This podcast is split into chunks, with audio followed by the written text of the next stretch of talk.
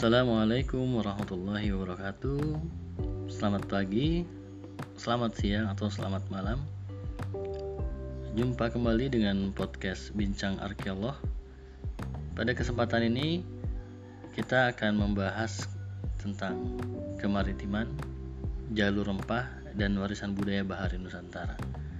Sebagaimana pada podcast sebelumnya dalam kajian arkeologi terdapat kajian yang membahas mengenai kemaritiman. Nah, pada kesempatan ini kita akan mengenal lebih jauh mengenai kemaritiman, lalu jalur rempah, dan warisan budaya Bahari Nusantara. Oke. Narasi kemaritiman adalah sebuah perjalanan panjang bagi bangsa Indonesia. Bahkan beberapa ahli mengatakan kemaritiman di Indonesia bukan sebatas sejarah, tetapi merupakan sebuah peradaban. Kemaritiman sebagai aktivitas telah berlangsung sejak zaman prasejarah di wilayah kepulauan ini, yang terekam dalam tapak arkeologi berupa gambar perahu dan fauna air di beberapa gua prasejarah di Sulawesi, Kalimantan, dan Papua. Pada fase berikutnya, aktivitas kemaritiman pun terus berlanjut dan menjadi identitas bagi Indonesia sebagai bangsa maritim. Secara terminologi, kemaritiman memiliki kata dasar maritim, yang dalam KBBI, maritim adalah segala sesuatu yang berkenaan dengan laut. Lalu pengertian selanjutnya berhubungan dengan pelayaran dan perdagangan di laut. Selanjutnya, kemaritiman bermakna hal-hal yang menyangkut masalah maritim atau sifat kepulauan Indonesia. Istilah maritim sering disinonimkan dengan kata bahari yang bermakna dahulu kala, kuna, indah, elok sekali, dan mengenai laut. Ya, itu pengertian bahari dalam KBBI juga. Dengan demikian, menurut Edward Polinggomang, salah seorang sejarawan dari Universitas Hasanuddin, beliau mengatakan bahwa sejarah maritim adalah studi tentang aktivitas manusia di masa lampau yang berkaitan dengan aspek-aspek kemaritiman, khususnya pelayaran dan perdagangan. Istilah lain yang biasa diidentikan dengan maritim adalah bahari.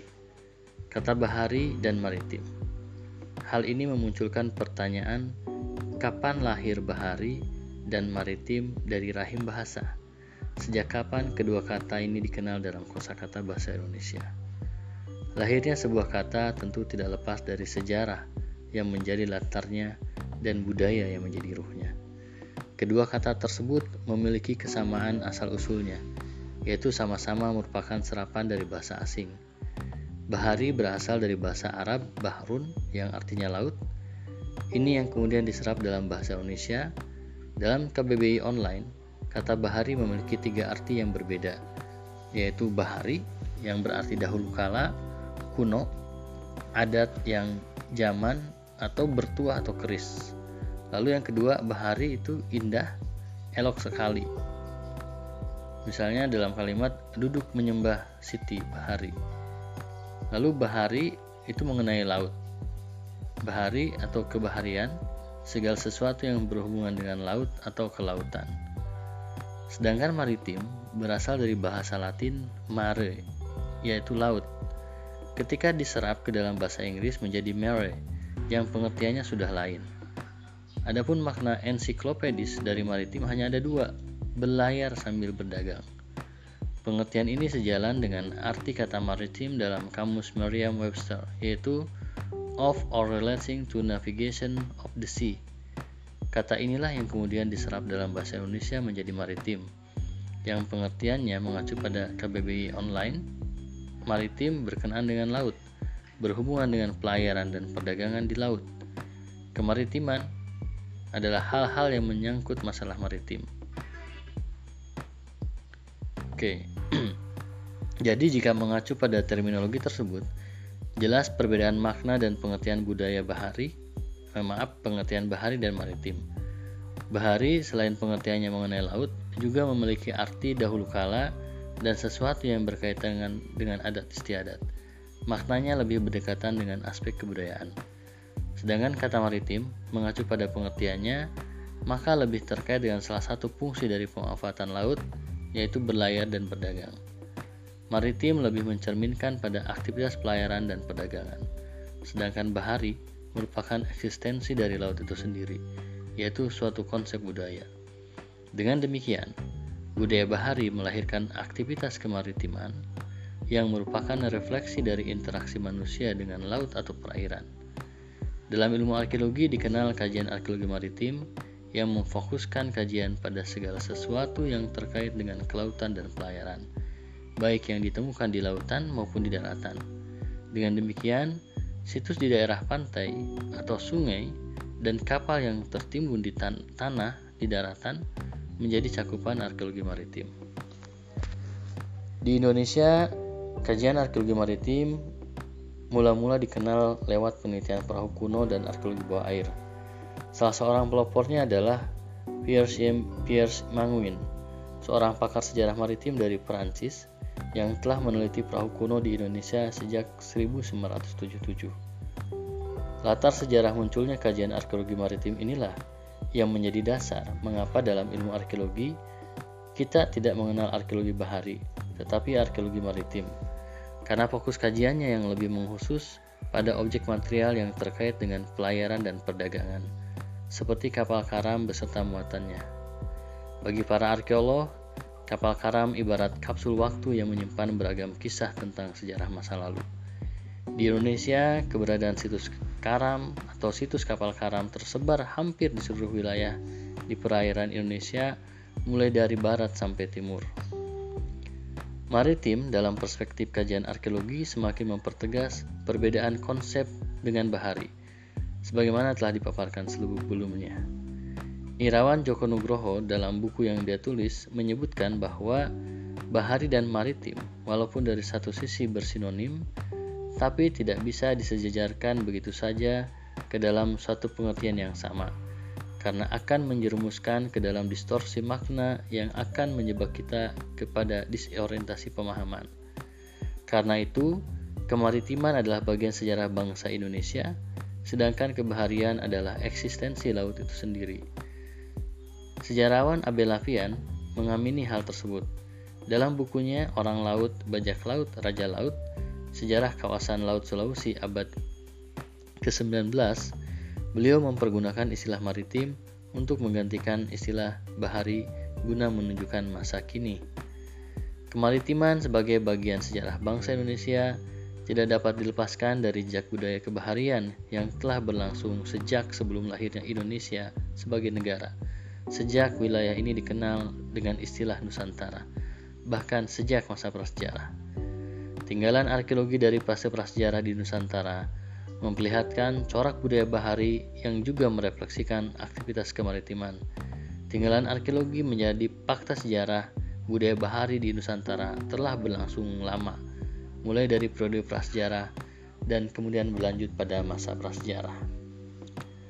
Ya, dalam konteks kemaritiman sebagai pelayaran dan perdagangan, maka kita dapat menyebutkan bahwa kemaritiman sebagai salah satu aktivitas budaya secara lebih luas dapat dimaknai sebagai perwujudan dari gagasan interaksi manusia dengan perairan dalam beragam bentuk, mulai dari kaitannya dengan memenuhi kebutuhan hidup, misalnya mencari ikan, sampai kaitannya dengan mata pencaharian, seperti pelayaran dan perdagangan.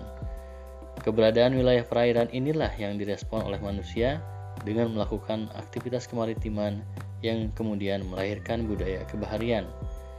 Adanya gagasan bahwa di perairan baik itu sungai, danau, rawa, dan lautan mengandung sumber daya alam yang dapat mereka manfaatkan untuk menunjang kehidupan.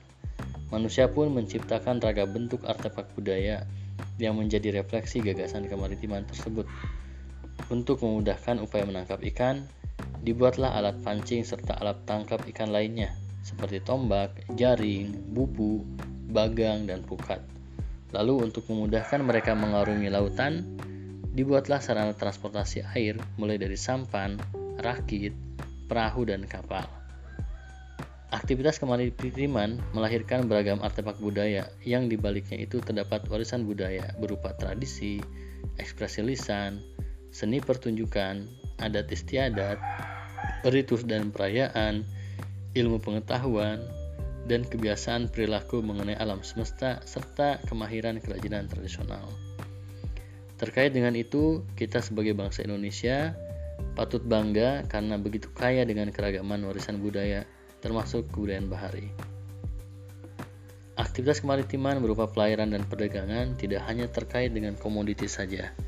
Namun di balik itu terdapat warisan budaya berupa kemahiran teknologi tradisional pembuatan perahu, adat istiadat, dan ritus ritual dalam proses prosesi pembuatan sampai peluncuran perahu ke lautan, serta tentunya pengetahuan navigasi dengan membaca tanda-tanda di alam. Salah seorang arkeolog dari Unhas, almarhum Najmain, dalam makalah yang dibawakan pada diskusi ilmiah arkeologi ke-12 menyatakan bahwa tradisi bahari bila dikaitkan dengan kawasan Asia Tenggara dan kawasan lainnya setidaknya dapat dilihat dalam dua episode. Pertama, mengacu pada penelitian Pak Suyono, menunjukkan bahwa gerak migrasi manusia secara besar-besaran dari Asia daratan dan Kepulauan Nusantara yang bertepatan dengan mulainya perkembangan tradisi Neolitik di Indonesia menggunakan perahu bercadik, bahkan perlintasan mereka mencapai gugusan kepulauan Polinesia. Kedua, dalam periode klasik, pelayaran dan perdagangan yang dilakukan oleh ekspansionis India guna mencari garapan baru setelah kehilangan sumber-sumber emas di Asia Tengah yang kemudian menggoda para ahli persoalan kelompok pembawa kebudayaan India di Indonesia atau gerakan timbal balik oleh pelaut-pelaut Nusantara dan Cina dengan tujuan dagang dan belajar agama. Adapun kegiatan perdagangan sudah mulai berkembang antara lintas benua Asia dan Australia setelah beberapa abad menjelang kelahiran Isa al-Masih. Perdagangan tersebut menghubungkan pusat kebudayaan kuno di kedua benua, di antaranya Cina, Turkistan, India, Babilonia, Persia, Yunani, dan Romawi. Namun, Rute perdagangan waktu itu melewati jalan darat yang menghubungkan antara Cina dan Eropa. Rute perdagangan tersebut yang melintasi Asia Tengah, yang merupakan rute kontinental antara Asia dan Eropa disebut sebagai jalan kafilah. Setelah awal abad Masehi, maka terjadi perpindahan rute perdagangan Trans-Asia dari rute darat ke rute laut. Hal ini disebabkan perkembangan keadaan yang tidak aman pada rute darat dikarenakan gangguan dari suku-suku nomaden di Asia Tengah. Adapun beberapa hal lainnya karena penemuan jenis kapal yang lebih besar yang dapat mengangkut penumpang sampai 600 orang. Angin tropis yang bertiup secara teratur yang menghubungkan antara Asia dan Eropa. Lalu adanya spirit penyebaran agama Buddha yang sangat tinggi dan berani menghadapi segala resiko dalam mencari daerah baru dan juga permintaan barang mewah dari Romawi semakin meningkat, sedangkan lewat rute darat jalurnya sudah terputus. Nah, dalam konteks Nusantara, Indonesia yang memiliki posisi geografis sangat strategis karena terletak dalam jalur perdagangan internasional lewat laut antara dua negara adidaya pada waktu itu yaitu India dan Cina.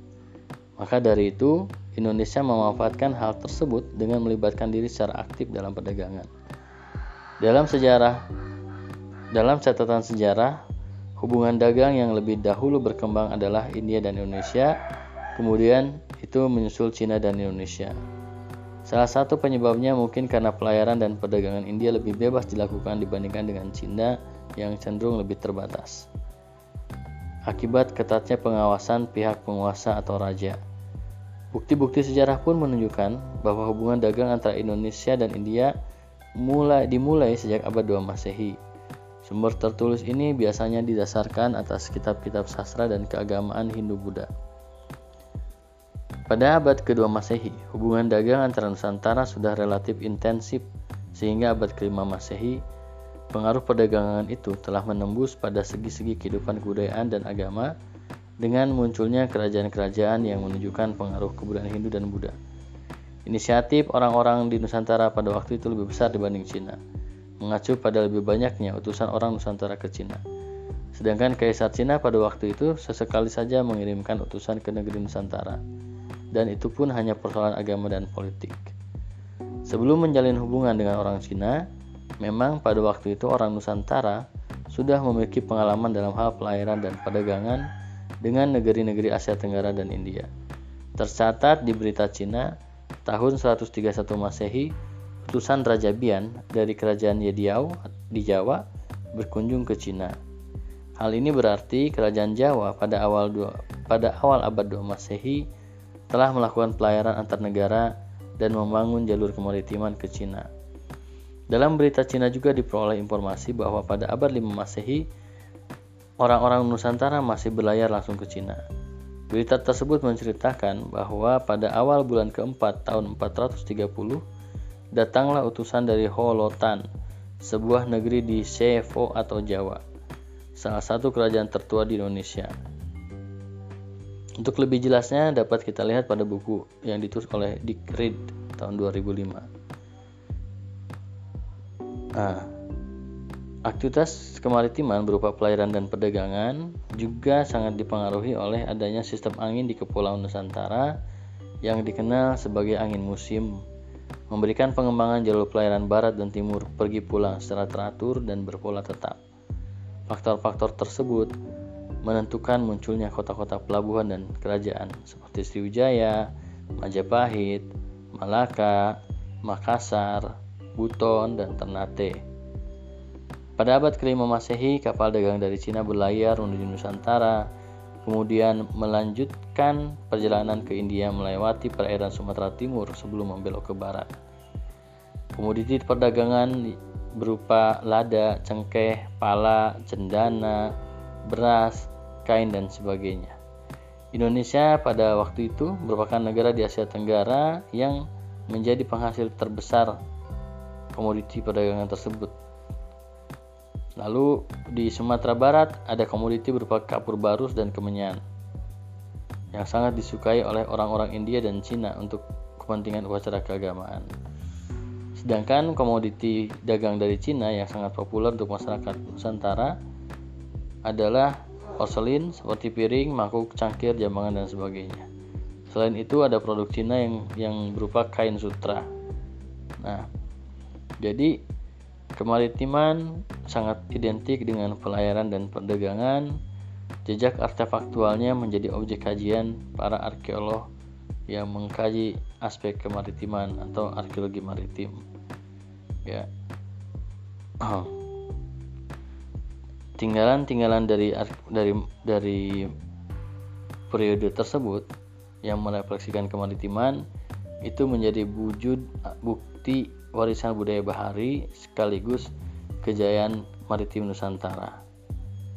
Aktivitas kemaritiman memungkinkan adanya kontak budaya yang intensif dan mencangkup ruang geografis yang luas. Kontak budaya terjadi melalui pelayaran dan perdagangan antar pulau dan antar benua, memunculkan asimilasi dan akulturasi budaya yang memberikan corak beragam budaya di wilayah Nusantara yang kini menjadi warisan budaya bangsa bahari dalam pelayaran didukung oleh adanya kemahiran teknologi dan tradisi pembuatan perahu serta pengetahuan navigasi. Tradisi pembuatan perahu tradisional menjadi salah satu warisan budaya yang sampai sekarang masih dapat kita saksikan. Salah satunya tradisi pembuatan perahu pinisi di Bulukumba, di mana pembuatan pinisi ini telah ditetapkan sebagai warisan budaya dunia. Jadi, kebudayaan bahari menghasilkan aktivitas kemaritiman. Aktivitas kemaritiman, kemaritiman meninggalkan jejak-jejak budaya artefaktual yang kemudian menjadi objek kajian arkeolog untuk mengkaji masa lalu, membuat proses penggambaran budaya tentang aktivitas kemaritiman yang terjadi pada masa lalu di Nusantara. Jejak kejayaan aktivitas kemaritiman berupa pelayaran dan perdagangan rempah misalnya menyisakan sebuah jalur pelayaran yang kita kenal sebagai jalur rempah. Meliputi jalur pelayaran yang begitu luas, menghubungkan Nusantara sebagai wilayah kepulauan dengan berbagai wilayah dan negara di benua lain di seberang samudera. Jalur rempah inilah yang menjadi simpul peradaban bahari Nusantara, warisan budaya kebangsaan bangsa Indonesia. Ya, Terima kasih, semoga apa yang disampaikan pada podcast kali ini menambah wawasan kita bersama. Terima kasih atas perhatiannya. Assalamualaikum warahmatullahi wabarakatuh.